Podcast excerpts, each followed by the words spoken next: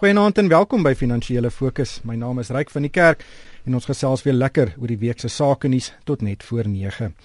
Saam met my in die ateljee is uh, Dr Elna Moelman, sy is ekonom by Macquarie. Goeienaand Elna. Goeienaand. En op die lyn uit Duinfin is Magnus Huystek van Brente is 12. Goeienaand Magnus. Hallo, hallo Ryk en hallo Elna.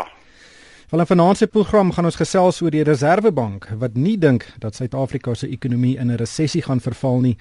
Maar kredietgraderingsagentskappe Fitch en Standard & Poor kan dalk hierdie week hulle beleggingsgraderings vir Suid-Afrika afwaarts aanpas.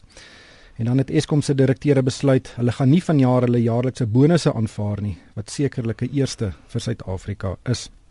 Maar Elna, kom ons begin by die ekonomie. Ehm um, Jill Marcus van die Reserwebank uh, het hierdie week gesê sy voorsien nie dat Suid-Afrika in 'n resessie gaan verval nie. Ehm um, dit volg na, natuurlik nadat die ekonomie in die eerste kwartaal van die jaar met 0,6% gekrimp het en verskeie ekonome gesê die volle impak van die staking gaan eers in die tweede kwartaal na vore tree en dat ons in die tweede kwartaal ook negatiewe groei gaan sien wat natuurlik beteken ons is amptelike in resessie. Hoe lees jy hierdie situasie? Ek dink ongelukkig daar risiko redelik hoog. So as as jy my op hierdie stadium sou vra wat my vooruitskatting is, dan is dit ook dat ons nie 'n resessie sal hê nie, dat dit na die eerste kwartaal so 'n bietjie sal herstel. Daar was buiten vir die platinum staking ook 'n paar ander spesiale faktore, goudmyne wat moes sluit as gevolg van ongelukke daar, diamantmyne wat te veel reën gehad het ensovoorts en my sal aanvaar dit sal normaliseer in die tweede kwartaal maar ons is nogal bekommerd oor die situasie en ek dink die punt wat jy gemaak het in terme van die platinum staking se indirekte impak wat begin uitfilter na die res van die ekonomie toe word op hierdie stadium nog baie onderskat. En dan moet 'n mens ook vir jouself sê ons het nou net die eerste kwartaal se data begin kry, maar in realiteit is ons al in die middel van die jaar. So as hierdie jaar nog enigsins beter moet begin lyk, like, moet ons die tekens op die grond nou al begin sien en ek dink mense sien dit nog nie regtig nie. So ek raak bekommerd dat daardie tweede helfte herstel waarop ons almal gehoop het, dalk langer gaan vat. So jy het nou hierdie plaaslike faktore wat baie negatief is. Jy hoop op 'n normalisering in die tweede helfte van die jaar en dan wag jy nou maar eintlik om begin, te begin voordeel trek uit die res van die wêreld se verbeterende groei. En ek dink dit kan dalk dan eers volgende jaar gebeur. So ongelukkig beteken dit die moontlikheid van 'n resessie is relatief hoog en ons praat nou almal van 2% groei vir hierdie jaar en ek dink mense moet besef dat dit amper 'n plafon is. So dit is baie moeilik vir die ekonomie om enigstens beter te doen. En as mense in ag neem dat die platinum staking nog nie verby is nie en dat baie ander sektore nou op die randjie van moontlike stakings is, dan is die risiko's definitief afwaarts. Magnus, jong, ek is nie 'n ekonom nie en en ek luister wat Elna sê, maar ek sien nie op die grond regtig in Johannesburg en in Pretoria 'n resessie nie of of of uh, hierdie minus 0,6% wat ons in die eerste kwartaal gesien het nie. Miskien Elna, hoe geografies is hierdie ekonomiese probleme wat ons het? Gaan mense in Kaapstad en Durban en in die platteland regtig die impak voel wat 'n resessie wat regtig eintlik in Noordwes of in Rustenburg gebeur?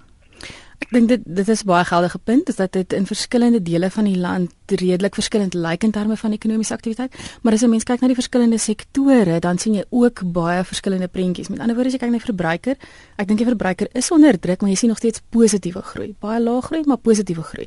Dit is regtig as jy na die vervaardigings- en mynbou-industrie kyk waar dit baie sleg gaan. Die een ander ligpuntjie, dink ek, is die konstruksiesektor. So ek is nou al vir 'n geruime tyd redelik optimisties veral oor die regeringsspandering. Ek weet dit is nie 'n algemene siening nie. En mense moet onthou dat baie van die groot konstruksiemaatskappye nie noodwendig voordeel trek uit nuwe hospitale of 'n nuwe skool en en kleiner regeringsprojekte nie. Maar daar's definitief momentum daar en mense begin dit in die data sien. So dit is definitief 'n geval van daardie minus 0.6% wat ons in die eerste kwartaal gesien het verteenwoordig baie negatiewe groei in sekere sektore en redelike maar nog steeds maar 'n bietjie laere groei in van die ander sektore.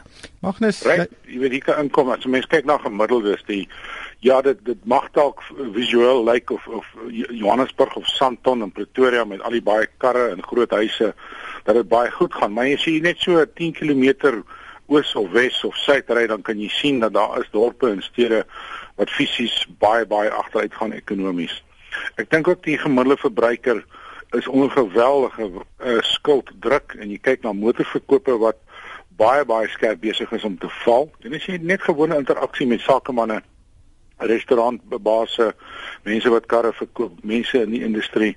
Also almal vir jou sê dit gaan verskriklik taai. So eh, of ons nou in 'n resessie is ja of nee, dis baie tegnies vir meeste mense, maar vir die vir die gewone man op straat dink ek ons is al reeds amper in 'n in 'n resessie toestand. Uh of dit nou 2% groei is of 1.5 dit beteken die ekonomie groei baie baie laer as die potensiaal en in baie laer as die res van Afrika. So en 'n mens moet vra vra hoekom is dit die geval?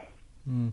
Elna, juis in hierdie omstandighede, ons sien volgende week uh gaan uh, Fitch en Standard & Poor hulle nuwe graderings vir Suid-Afrika bekend maak en dit volg nadat Moody's sou nog 'n kredietgraderingsagentskap en Standard & Poor vroeër hulle groei uh, die, die graderingsvooruitsig afwaarts tot negatief aangepas is. So kan ons hierdie week sien dat daai graderings afwaarts aangepas word en wat gaan dit vir Suid-Afrika beteken?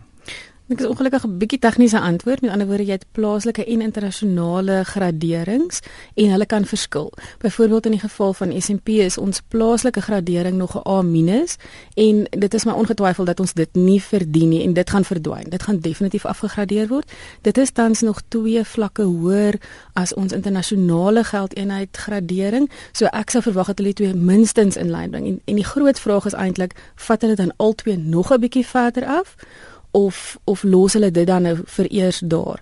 Ons is op hierdie stadium kan ons nog twee keer afgegradeer word voordat ons ons beleggerstatus of sogenaamde investment grade gradering verloor en dit is eintlik die kritiese ding van 'n beleggersperspektief.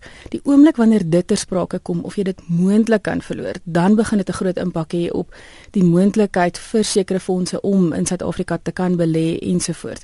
So solank as wat die beleggersgemeenskap nog van mening is dat dat dit nie 'n risiko is nie. Met ander woorde dat ons nog nog definitief beleggerstatus sal behou maak dit marginaal saak en dit is 'n negatiewe teken en is 'n negatiewe tendens ensovoorts maar maar die kritiese oomblik is as dit enigstens begin lyk like asof dit 'n risiko is. Ja, Magnus, dit weet vir vir die as mense dit anders kan stel is as ons 'n graderingsstatus het, dan is daar baie buitelandse fondse wat in Suid-Afrika se staatseffekte belê. As ons dit verloor, dan word hulle eintlik gedwing om my geld uit die land uit weer te vat.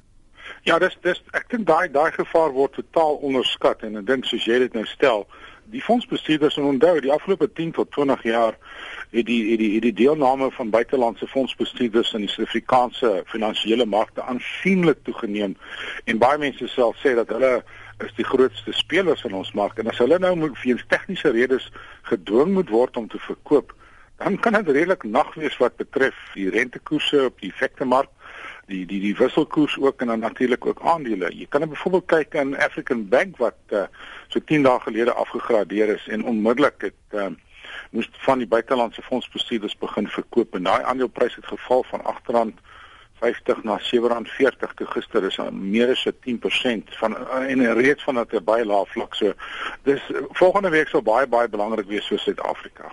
Maar alnou dis ook nie die einde van die wêreld as ons afgegradeer word nie. In 'n internasionale konteks gebeur dit. Rusland en Brasilië is ook onlangs afgegradeer. So dit gaan negatief wees, maar dis nie die einde van die wêreld nie. Absoluut. En so afgradering sal ons dan min of meer in lyn bring met met byvoorbeeld Brasilië se gradering en dit is waarskynlik redelik geregverdig. Ek dink op hierdie stadium is hulle fiskale posisie en risiko's dalk so bietjie groter as ons in, maar ek dink om min of meer in lyn met hulle te wees is regverdig. Ek dink mens moet dalk net eh, die die onderskeid tussen die twee groot kategorieë dalk duidelik maak. Die een is beleggerstatus en die een is sogenaamde junk bond status of kom ons noem dit dalk spekulatiewe status.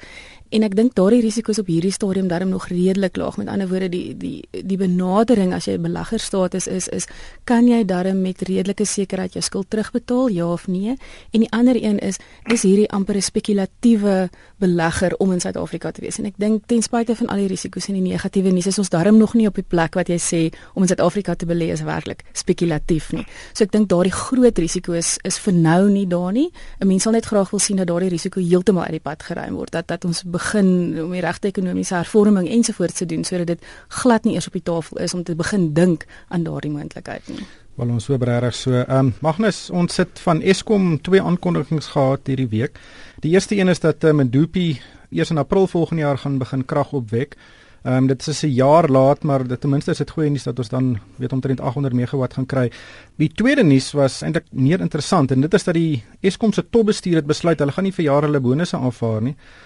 Nou ek is al 'n rukkie in die bedryf Magnus, ek het nog nooit gesien dat 'n staatsamptenaar nie sy bonus wil vat nie. Mens moet 'n bietjie sinies wees daarom trends, maar laat ons net terugkom na met Dupi toe onthou. Ek dink een van die vorige ministers van energie te jare wat gelede gesê baie beslis sal Medupi reeds hierdie jaar in werking wees en, en dit is nou alweer uitgestel tot volgende jaar. So daar's al reeds 'n 'n 3 jaar vertraging in in die lewering van krag van Medupi en ek sal nie 100% seker wees nie. Niemand weet presies wanneer dit aangeskakel gaan word nie. Die tweede ding oor Eskom, ja, dit is goed en wel dat hulle sê dat hulle nie bonusse sal aanvaar hierdie jaar nie. Goed en wel. I mean, maar is hulle verdienste en bonusse nie al reeds so hoog in die verlede gewees dat hulle dit maklik kan kan bekostig nie. En en en dan vra jy die vraag, wat gaan die aanpassing wees wanneer dit nou weer weer beter gaan met Eskom? So ek is so 'n bietjie sinies daaroor. Ek is jammer daaroor, maar ek is maar net so 'n bietjie sinies oor sulke aankondigings. Hulle hulle gaan nie werklik uh, honger ly nie. Ehm um, die top 10 uitvoerende bestuurslede van Eskom se gemiddelde jaarlikse salaris is 5 miljoen rand. Ja, ek sien dit is my punt en dan kan hulle volgende jaar terugkom met 'n met 'n baie groot aanpassing. So dit kan so 'n bietjie bietjie 'n uh, uh, skakelwerk wees om net so 'n bietjie die die die gemoedere te kalmeer. Hmm. Elna net vinnig uh, die platinum staking uh, weet duur nog steeds voort maar 'n interessante verskynsel vir my is is dat die nuwe minister van minerale bronne Ngaku Ramatlodi is aktief besig om met albei partye te onderhandel en hulle te probeer kry om 'n ooreenkoms te bereik terwyl uh, sy voorganger Susan Shabangu het niks gedoen nie. Sy het gesê die bedryf en arbeid moet dit self uitsorteer. Ja, hy het ongelukkig waarskynlik nie baie tegnieke of kaarte in sy hand wat hy kan speel om hulle enige kant te dwing om enigiets te doen nie, maar dit is inderdaad baie positief baie betrokke. Hy het ook 'n reputasie as iemand wat baie daadwerklike besluite neem. So ons is hoopvol op hierdie stadium, maar nog nie so baie gebeur wat ons gehoop het sou nie, maar kom ons hoop. Is dit maar 'n nuwe besem En ja, so wat ek sê, ek dink hy het 'n redelike reputasie daarvoor dat hy nogal tot aksie oorgaan en besluite neem eerder as om net voor te ploeter en maar te wag wat gebeur. So so ons hoop maar. Maar soos ek gesê het, ongelukkig is daar baie min dinge wat hy werklik kan doen. Ek dink die die probleme is so diep en die totale arbeidsprobleme so wyd en breed dat dit dat dit baie moeilik gaan wees. Dit is egter absoluut krities wat hier gebeur. Ek dink hierdie besluit en die manier wat hy gaan inmeng, as hy enigsins besigheidspositief is, sal dit geweldig positief wees vir sentiment. Ons is lankal so bekommerd oor die arbeidsverhoudinge en die impak en die beleggers impak daarvan ensovoorts. Maar as daar enigsins 'n uh, uh, sweempie van besigheidsnegatiewe impak is in terme van van sy besluit of sy inmenging, sal dit geweldig negatief wees vir beleggerssentiment. Hmm. Magnus, die tyd haal ons in. Vinnig Sasol is hierdie week beboet met 'n taamlike stewige 534 miljoen rand deur die mededingingstribunaal. En dit is oor hy tussen 2004 en 2007 heeltemal te veel gevra het vir sy propileen en polipropyleen. Dis natuurlik chemikalie wat gebruik word in die plastiekbedryf. Dis 'n dis 'n taamlike hou wat hy weg het. Uh, die... Dis dis 'n stywe boete, meer as 500 miljoen. Ek wag nog, ek het nog nie Sasol se uh, repliek gesien op die op die bevinding nie, maar dit is ongetwyfeld, ek dink die vervaardigers almal sê hulle het dit beleef en, en die pryse is kunsmatig verhoog. Hulle verwelkom dit anders en en dit is goed dat die die groot monopoliste op hulle tone gehou word. Hmm. Wel, een hartseer ding is die boete gaan nie aan klein ondernemings of verbruikers wat in daai tydperk te veel betaal het nie, dit ja. gaan na die staatskas toe. Ja, natuurlik. Dis die een ding wat altyd kla van hierdie bevindinge waartoe gaan hierdie geld en daar's so onder die publiek so groot wantroue oor geld wat in die staatskas inverdwyn en, en ek kan nou nie weer praat oor die nakandlas en daai stories nie maar dit uh, maak my redelik bekommer. En net laastens uh, Magnus ek weet jy het langs die Kyalami renbaan groot geword. Hierdie renbaan gaan nou opgeveil word. Daar word verwag dat dit die grootste veiling ooit gaan wees. Um, daar is nie 'n reserveprys nie maar die die afslaers verwag tussen 100 en 120 miljoen rand vir die hierdie ikoniese renbaan in Suid-Afrika. En aan die een kant is dit hartseer, maar aan die ander kant die baan is nie lewensvatbaar nie. Uh, wat dink jy gaan daar gebeur?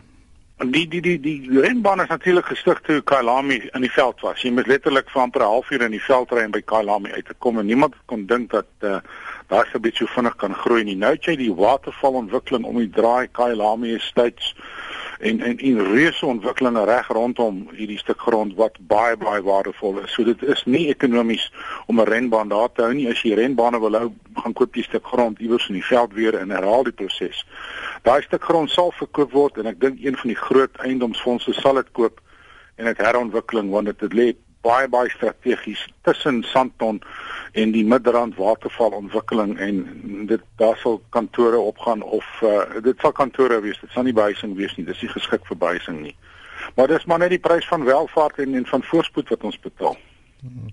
wel ek dink daar's baie mense wat hartseer sal wees maar in elk geval die tyd het ons ingehaal baie dankie aan dokter Elna Moelman van Macquarie en dan Magnus Huystek van Brente is 12. En van my ryk van die kerk, dankie vir die saamluister en ek koop almal het 'n winsgewende week.